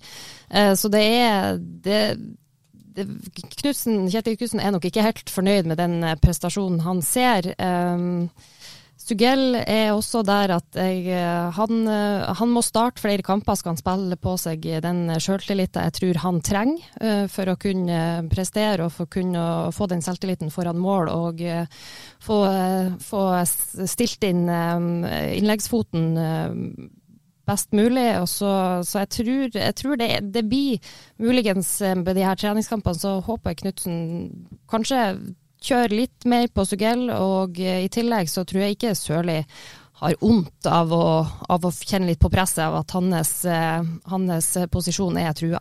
Ja eller nei, Trond? Må Glimt ha ny høyreving? Hvis de finner den rette, hvis de finner en som går inn og forsterker dem eh, fra dag én, så ja. Mm. Stian? Nei, jeg, jeg må si at jeg syns førsteomgangen til Sondre Sørli i går mot Ajax synes jeg er veldig bra. Da syns jeg han gjør kjempemye bra. Uh, det, det, det, er helt enig, og det, det, er en stor opptur i forhold til det han gjør i Amsterdam. Han tør å sette fart, han tør å utfordre. Han kombinerer veldig fint med både Ulrik og, og Bris flere ganger. og det er jo uhyre små marginer at ikke han, både han sjøl kommer til en kjempesjanse, og at han klarer å sette opp andre. Så blir han mer borte i andre gangen og et riktig bytte. Så jeg er helt enig med Trond. Jeg skulle gjerne ha sett en um, høyreving med enda flere målpoeng i seg. og uh, men, men det, jeg tror ikke August Mikkelsen er den høyrekanten. Uh, for jeg tror ikke det er der han er aller best. Uh, så det er helt ut fra hvilken type får de tak i, hvem finner de. Så ja takk til ny høyreving. Altså det, det, er jo klart at de, de ønsker jo å få inn en som har mer målpoeng i seg. For det er ikke, det er ikke all verden av målpoeng verken Sugell eller uh, Sondre Sørli har. Uh, de kan få det, ja, men det begynner å haste for dem begge to å, ta de siste, det siste steget for å bli en, uh, en god nok Bodø-Glimt-ving. Og så kan man stole på Nino sin skadehistorikk plutselig. altså hvis du sier til Nino du starter, uansett hva som skjer, starter du de ti neste kampene. Du får nå skal du få spille deg i gang. Skal, nu, dette er din plass. Sånn at han kan senke skuldrene og ikke føle at gjør en dårlig omgang eller en dårlig kamp, så er ute. Um, hva skjer? Tåler han å stå ti kamper? Det vet man ikke. Nei, og det, den smellen har han jo gått på en gang eh, tidligere, når han begynte å skue Ja, tre ganger tidligere, kanskje, men eh, ikke sant, så Det er um, den, det, den er en tøff uh, måter skal stå i alle de kampene på. Og, uh, per nå har ikke Nino bevist at han, han tåler den belastninga. Jeg uh, har lov til å ta med spørsmål til deg òg, Stian, uh, som du får litt kritikk for i går. For du ga bare en åtte til Patrick Berge på børsen. Skulle han hatt ni? Nei, ikke når han skyter i på overtid. Neida. Det, det, er klart Patrick var veldig god, og det hadde ikke vært feil å gi Patrick ni. Det, jeg skal si det jeg bestandig sier, børsen min er feil alle kampene. Så det handler om å gjøre minst mulig feil. og det har ikke vært noe å si på å gi Patrick 9. Nei, jeg syns han er veldig veldig god. Jeg syns han ble bedre og bedre utover i kampen. og ja, Det er meget mulig han burde ha den nier.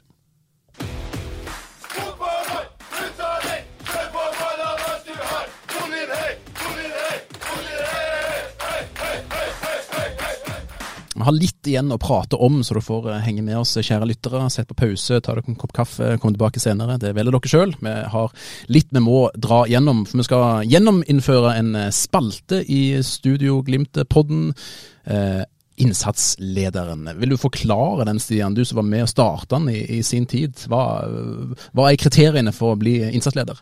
Eh, egentlig ingenting. Nei, det, det, krever at du har gjort eh, noe spesielt. Det er ikke nødvendigvis banens beste. Altså, vi har vel hatt, vi har vel kåra eh, Lars Børre Vangen som brøyta Aspmyra til innsatsleder en gang. Vi har, vi har kåra J-feltet og supporterne flere ganger. Det, det har vært eh, Altså, det er noen som gjør noe spesielt. Noen som gjør en ekstraordinær innsats. Eh, den ble vel starta litt med Henrik Furubotn, tror jeg som var innsatsleder hver eneste gang. Uh, selv om han aldri var, spilte best for Bodø-Glimt, så var han bestandig den som sprang mest og takla mest. og uh, Etter hvert så var det vel Sondre Brunstad Fet som, som gikk inn i den rollen, men, uh, men ja.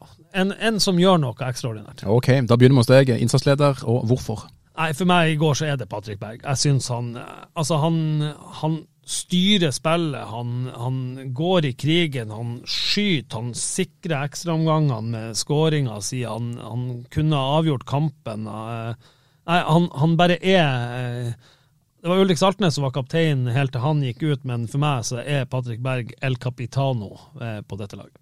Trond? Uh, hyllesten til Monira Mod er min, uh, altså klubben, og at de setter av tid til å hylle en tidligere uh, Glimt-spiller som har betydd uh, mye for klubben og for mange folk i byen, og at man viser en flott måte å hedre han på. og Det er for meg innsatsleder. Elise? Jeg går, siden vi har hatt Glimt-supportere og en Glimt-spiller, så tar jeg av Glimt-brillene. Og så tar jeg eh, Ajax-supporterne både før, under og etter kampen. Snakka med flere før kampen. De eh, trivdes i Bodø, var veldig glad i eh, byen. eh, Syns eh, det var kjempestas å komme så langt eh, nord, og eh, solgte jo ut bortefeltet. Klemte seg litt inn på det feltet i tillegg, og holdt liv under hele kampen. Der har eh, bortesupportere til flere lag som har eh, vært på Aspmyra veldig mye å lære, og eh, så vidt jeg vet så ingenting problemer i etterkant av kampen heller. Så jeg syns de satte et veldig godt eksempel på hvordan bortesupportere kan, kan lage liv og likevel ikke være altfor alt for ultras. Jeg skal òg opp på tribunen, faktisk, for jeg satt på i-feltet, og der var det en som egentlig bare ble, ble mer og mer hes gjennom hele kampen, og han ble egentlig bare mer og mer ufin. han, han sto og, og jaga oss opp og sa vi måtte opp og stå, opp og stå. Ingen som hørte hva han sa, og ble bare hesere og hesere. Og rett før eh, 2-1-skåringen til Ajax, så var han og sinkte seg igjen. Opp og stå, opp og stå! Og akkurat når Ajax skal skåre, så vrir han hele fokuset til at Ajax er en jævla drittklubb. Så innsatsen var veldig bra. Han hylte så eh, stemmen forsvant, så det var bra. Trond, Trond brukte halve andreomgangen og ekstraomgangene på å skulle ha noen til å sette seg foran. Det viste sto. også. Han, var, han var på motsatt ende.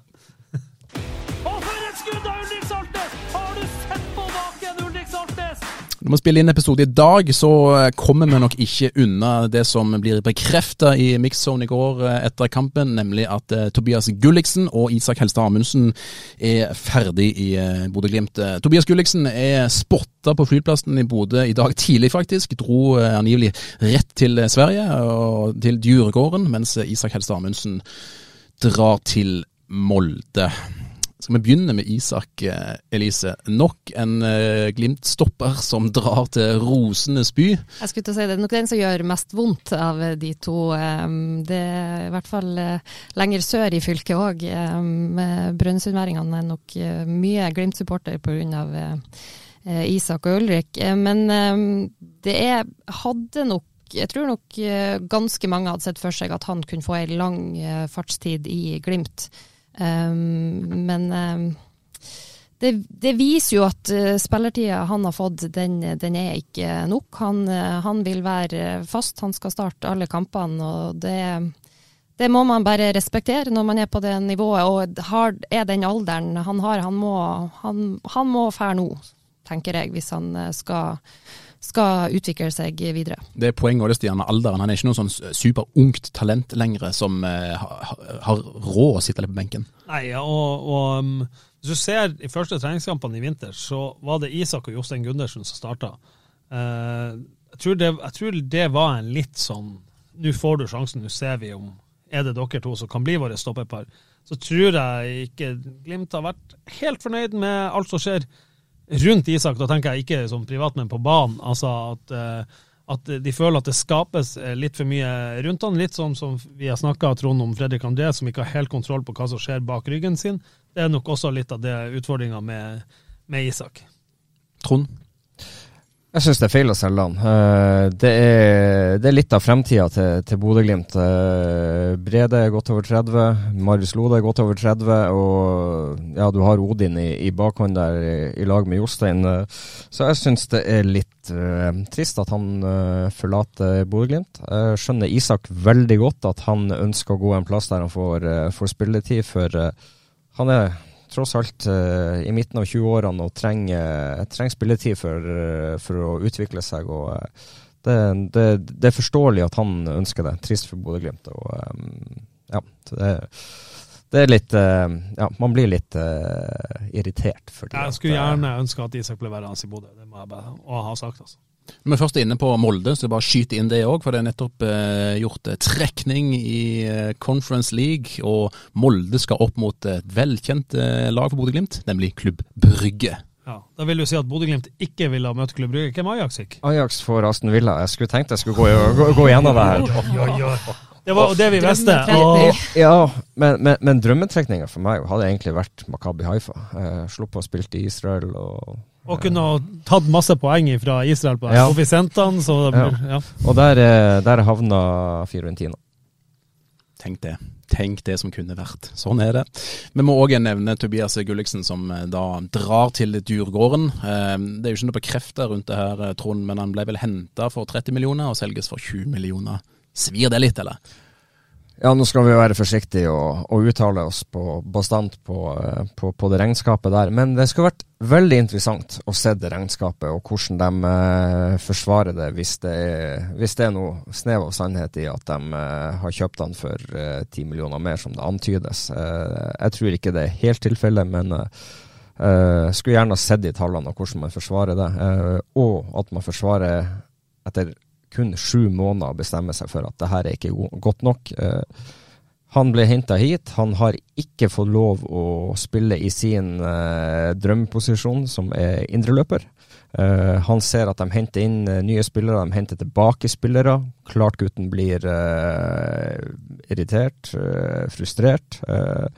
og ting har ikke gått helt sånn som han heller hadde ønska, og klubben hadde ønska. Så det det er et stort talent som, eh, som, forsvinner ut, og det er synd for uh, Bodø-Glimt at de ikke klarer å få mer ut av han. Men Burde han hatt mer tålmodighet da, Elise, sånn som du ser det? Eh, for noen år siden så ville jeg sagt ja, men eh, Glimt er i en posisjon nå. Skal de kjempe i Europa, så må de også legge seg mer på linje med store europeiske klubber. Og der er brutaliteten en annen enn i eh, lille, vesle, koselige Norge. Der er det ingen kjære mor, og det er mye mer, skal vi kalle det, bruk og kast. Og jeg tror, jeg tror vi muligens kan se en Jeg tror ikke Bodø-Glimt vil havne eh, pga. verdiene de står for helt på den, men det, det, kan være tendenser av eh, det vi ser nå, at eh, et halvt år, ja, litt mer enn det, det er det du får. Men er ikke det her et signal også, Trond, til andre spillere som kanskje kommer til Glimt i fremtiden, eller som blir vurdert av Glimt? Altså, det har vært mange eksempler på folk som lykkes. Hugo Vetlesen f.eks. var veldig tålmodig, ble solgt ut i det store utland. Men her er det nok en spiller som er stort talent, blir henta på store summer, men lykkes ikke likevel. Men du må også huske litt at ja, Hugo han, eh, han var også på vei til å bli veldig utålmodig. Og akkurat i den perioden så kommer det en skade i, i midtbaneleddet som gjør at Håkon, nei, Håkon, eh, uh, Hugo får den, den spilletida, sånn at det får roa seg litt ned. Og han leverer når han får den muligheten. Så det, det, det er snakk om en del tilfeldigheter oppi det her òg. Uh, men klart, det er et signal. Eh, la oss si at du skal hente et stort talent som eh, du selger inn til at han skal komme her og spille, spille indreløper eller spiss av det, og så går det noen få måneder, og så henter du tilbake eh, ei gammel stjerne som spiller i samme posisjon. Det, det, er jo noe folk legger merke til rundt seg, og det, det, det er en del av brutaliteten, men da, da, må man også forvente at det er noen som blir forbanna og, og ønsker seg bort. Det Sånn er det. og det, det, er ikke, det, er ikke, sånn at det alltid spilleren sin feil at det ikke går. Det, det kan også være klubben som ikke klarer å se eh, hvordan du skal få implementert denne spilleren rett i den måten du ønsker å spille på. Så det, det er sammensatt, og av og til så er det faktisk ikke noen sin feil at det ikke fungerer. Kommentar der, Stian? Nei, jeg synes det er veldig synd at uh, Tobias Svær uh, Det er jo, som, som Trond er inne på, det er en spiller som kan spille i i flere posisjoner. Det, det er ganske likt den Hugo Vettelsen-storyen. Hugo, når han kom til Glimt, ble også veldig mye høyrekant. Litt ned på indreløperen av og til i noen minutter her, starta litt der, innbytter der, ikke sant. Uh, Nå er det jo en skade der. Eh, det er en skade til, så plutselig har han spilt indreløper for Glimt. Så, så, du vet aldri hva som kunne ha skjedd. Og, og, så når det gjelder summer, så ja, det er mulig at totalramma på avtalen med Godset kanskje er opp mot 30 millioner. Jeg tror ikke Glimt har betalt 30. Det er ekstremt sjelden at det, når du kommer opp på sånne summer, at det er 30 millioner, altså her er 30 millioner, vær så god. Det er gjerne avbetaling over år, det er gjerne avbetaling over hvor mange overgangsvindu blir de værende i klubben? Det er gjerne x antall kamper, x antall skåringer. Kvalifiserer du etter ditt, altså, kvalifiserer du etter datt? Vi, vet rett og slett ikke hva som er up front på den Nei. Eh, overgangen der. Jeg vil tippe at eh, Glimt går eh, rimelig break-even på det de har betalt, og det de eventuelt får.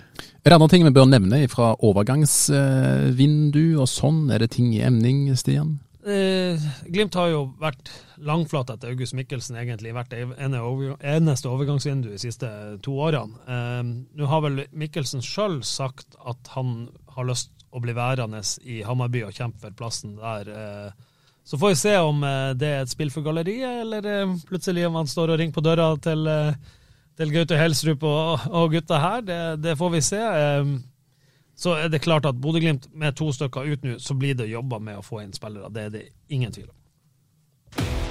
Så er det skåring, og så skårer Bodø-Glimt! Vi skal ha en ørliten tur ut i Twitter- Twitter-verden før vi gir oss for i dag. Eh, Veldig mye av spørsmålene som har kommet inn har vi svar på allerede. Vi har snakket veldig mye generelt eh, om. Eh, kan ta med et spørsmål fra Bjørnar, eller Bjørnar Glimt-bot, som han heter på eh, Twitter. Hvor lenge kommer Glimt til å klare å beholde Patrick hvis han fortsetter som dette? Skjønner ikke hvorfor det ikke spekuleres i ny overgang for han hvert vindu nå, men er vel egentlig bare skrive livstidskontrakt med han og si at han aldri er til salgs. Legende, sier han. Trond. Ehm, ja, det er det, det er litt vanskelig det der, for eh, Patrick spiller i en, eh, i en rolle som det, det finnes ganske mange gode fotballspillere rundt omkring ute i verden. Eh, Patrick har, har veldig mange gode egenskaper, og, det, og så mangler han kanskje noen egenskaper lite grann. Og det, det er kanskje en del i det, det offensive spillet der det mangles lite grann på å tørre å være, være litt eh, råere. og det, han, er, han er kanskje litt safe og har noen eh, enkle støttepasninger, korte pasninger til tider, som gjør at eh, det, er, mm, det, det, henger litt igjen. Jeg har vel sagt det før, at jeg er veldig overraska over at det ikke har vært mer interesse. At det, det, er en rolle det finnes veldig mye gode spillere, det er jeg helt enig i. og det er, ikke, det, er nok ikke sånn at han kunne gått til hvordan som helst klubb, så god han ikke. Men, eh, men at det ikke ikke flere rykter rundt Patrick. At ikke er flere som liksom, for Du ser jo, det kommer jo rykter om Fredrik Sjøvold, det kommer rykter om hvem som helst i Bodø-Glimt. Det er nesten helt stilt rundt den eneste som spiller dønn bankers omtrent for Norge sitt landslag. Eh, Det syns jeg er litt overraskende, at det, at det er såpass stille. Eller virker og, såpass stille. og, og det kan jo være at uh, Patrick har sagt at uh, vi skal ikke ha noen ting ut, vi skal bare la det ligge. og det, det, Vi skal ikke snakke om de her tingene. og La, la det være og la det være så stille som mulig. og så det bruker jo, ofte, å- det brukte, jo- bruker jo ofte å komme noen rykter fra interesserte klubber òg. Sånn, eh, så, så, så, det, det er garantert at det har vært noe. Men, men jeg syns det har vært eh, veldig stille også i, si, Twitter-verdenen, at det ikke har vært noen rykter der engang. Ja, og så er jo det litt Det, det, det er spillere som har vært ute eh, og, og kommet tilbake igjen til, til Bodø-Glimt, og det gjør det nok litt eh, verre for dem å komme seg ut igjen. Det kommer nok til å bli en del mer scouting fra de klubbene som er interessert i å finne ut om det her er en spiller vi kan få, få til å passe godt inn hos oss. Men nå er han, eh, han blir 27 år på slutten av eh, dette året her. Um, han er en legende i Bodø, har den historikken han har, har stifta familie her i byen. Og hvor stor tror du sjansen er Lise, for at han blir værende i klubben livet ut, eller kar karrieren ut? Ja, hvis han uh, ser på sine tidligere generasjoner, så er det mulig han henter litt inspirasjon der. Men uh, det, det, er jo, det er jo flere involvert her, som, som sagt. Det er jo en familie. Og så um, i tillegg så, så tenker jeg ikke vi skal, vi skal ikke eh, undervurdere um, det å ønske å være i en klubb lenge og bli, bli en, ja, rett og slett eh, legende i en klubb, og at det på en måte er nok. Eh, Det blir mye higa etter det å fære å fære ut, og, eh, men så lenge Glimt holder seg i Europa, og det tror jeg mye også avhenger av hva de får nå til høsten. Blir det Champions League, da, da, da, er, det, da er det ingen som fær fra Glimt, tror Og, jeg. og, og jeg tror jo det òg er en del av, av det her, at det er ganske mange som ønsker å prøve å komme seg inn i eh, Champions League med, med Bodø-Glimt. Og eh, mulighetene er ganske store til, til sommeren-høsten at det, det kan skje. og... eh, Du må jo heie på Molde. ja, det, det er jo faktisk sånn at du må jo håpe at Molde klarer å ta flest mulig poeng her og få de her eh, israelske lagene også bak seg for å få nok poeng til å, til å kunne gå rett inn i en playoff. Så, eh, Vi kan ta litt om det. Eh, bare spør kjapt deg og Stian før vi legger Berget fra oss. Hvor sterke troen er du på at han kan bli værende i Glimt karrieren ut? Hvor stor er sjansen for det? Eh, Jeg tror nok fort at Patrick en gang spiller for noen andre enn en Bodø-Glimt. Men samtidig så er det veldig interessant å høre på han, for han får jo spørsmål fra nederlandsk media eh, på pressekonferanse på onsdag.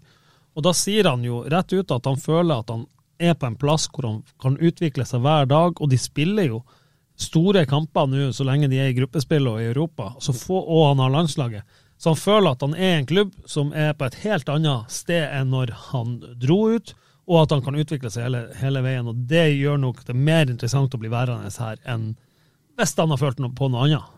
Og så har du den tryggheten du òg har her i Bodø. Du vet at du spiller, du vet at du spiller store kamper, du har en landslagsplass, og det, det, er en klubb under utvikling. Så eh, den, det higet etter å komme seg ut for å tjene pengene er ikke den samme som det var for noen år siden, for du tjener ganske gode penger også i Bodø-Glimt. Det må man ikke glemme. Nå skulle vi egentlig avslutte, men jeg syns det var litt spennende å ta den når dere gikk inn på det sjøl, dette med koeffisient og hvor man er på den lista og sånn.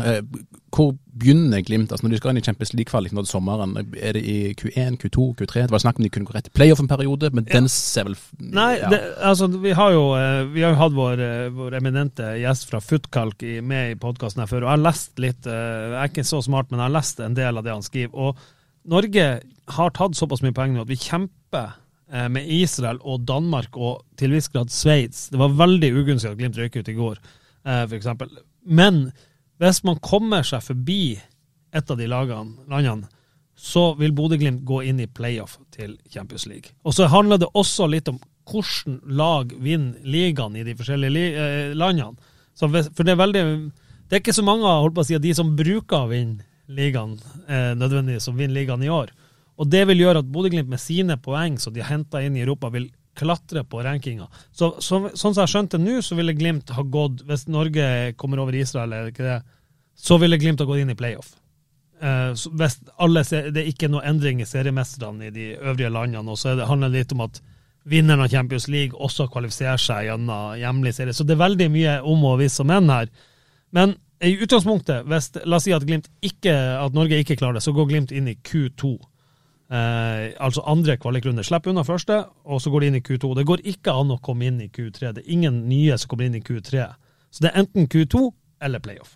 Og Går man inn i playoff, så vet man det at det der er man garantert minimum gruppespill i Europaligaen. Ja, da er det minimum 100 millioner på konto for de som er veldig opptatt av pengene. Så um, det er ikke det, noe tvil om at dette, det blir en viktig sommer. Ja, og så er det jo, altså, det, det er jo som å banne i kirka, men det, det, viser bare også viktigheten av at Molde gjør det bra nå i, i vår i Europa. For det, det kan gange Bodø-Glimt veldig godt uh, til sommeren. Hvis, hvis, Molde vinner begge kampene mot Brygge, så kan det være nok til at Bodø-Glimt starter i en playoff. Da får vi heie på Molde. Det gjør kanskje vondt å si det for enkelte, men det må vi nesten bare finne oss i. Er det mer å legge til fra vårt eminente panel i dag? Nei, det er det ikke. Da skal jeg si uh, tusen hjertelig takk, uh, Stian Høgland, uh, ekspert og journalist her i, i Avisa Nordland. Trond Olsen, ekspert i Avisa Nordland. Og sist, men ikke minst, tusen takk for at du kom, Elise Fossland, journalist i NRK Nordland. Mitt navn er Kjetil Rakkene Sanda. Takk for følget. Ha en god helg.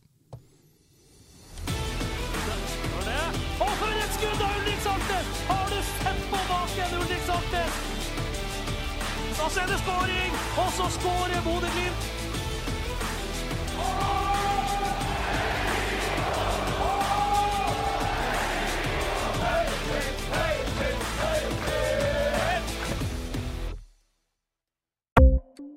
Ukens annonsør er HelloFresh. HelloFresh er verdens ledende matkasseleverandør og kan være redningen i en travel hverdag. Mange av oss har nok vandret i butikken både sultne og uten en plan for middagen, som ender med at vi går for de samme kjedelige rettene gang på gang. Middag burde være dagens høydepunkt. Som HelloFresh kan du nå velge mellom 25 ulike retter hver eneste uke, eller få HelloFresh til å sette sammen menyen for deg. Dette gir deg muligheten til å prøve nye og spennende retter alene eller sammen med familien. Du velger antall porsjoner og får alt levert på døren på et tidspunkt som passer for deg. Oppskriftene er enkle, og maten er lett å lage både for store og for små. Ved å få alt levert hjem får du også mer tid til å dele matgleden med familie og venner. Kanskje det frister med asiatiske tacos eller greskinspirert kylling?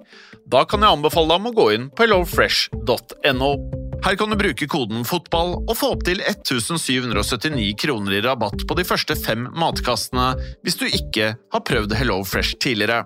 Du kan også bruke rabatten hvis du har vært kunde og stoppet abonnementet ditt for tolv måneder siden eller lengre. Gå inn på hellofresh.no og bruk koden FOTBALL. Har du et enkeltpersonforetak eller en liten bedrift?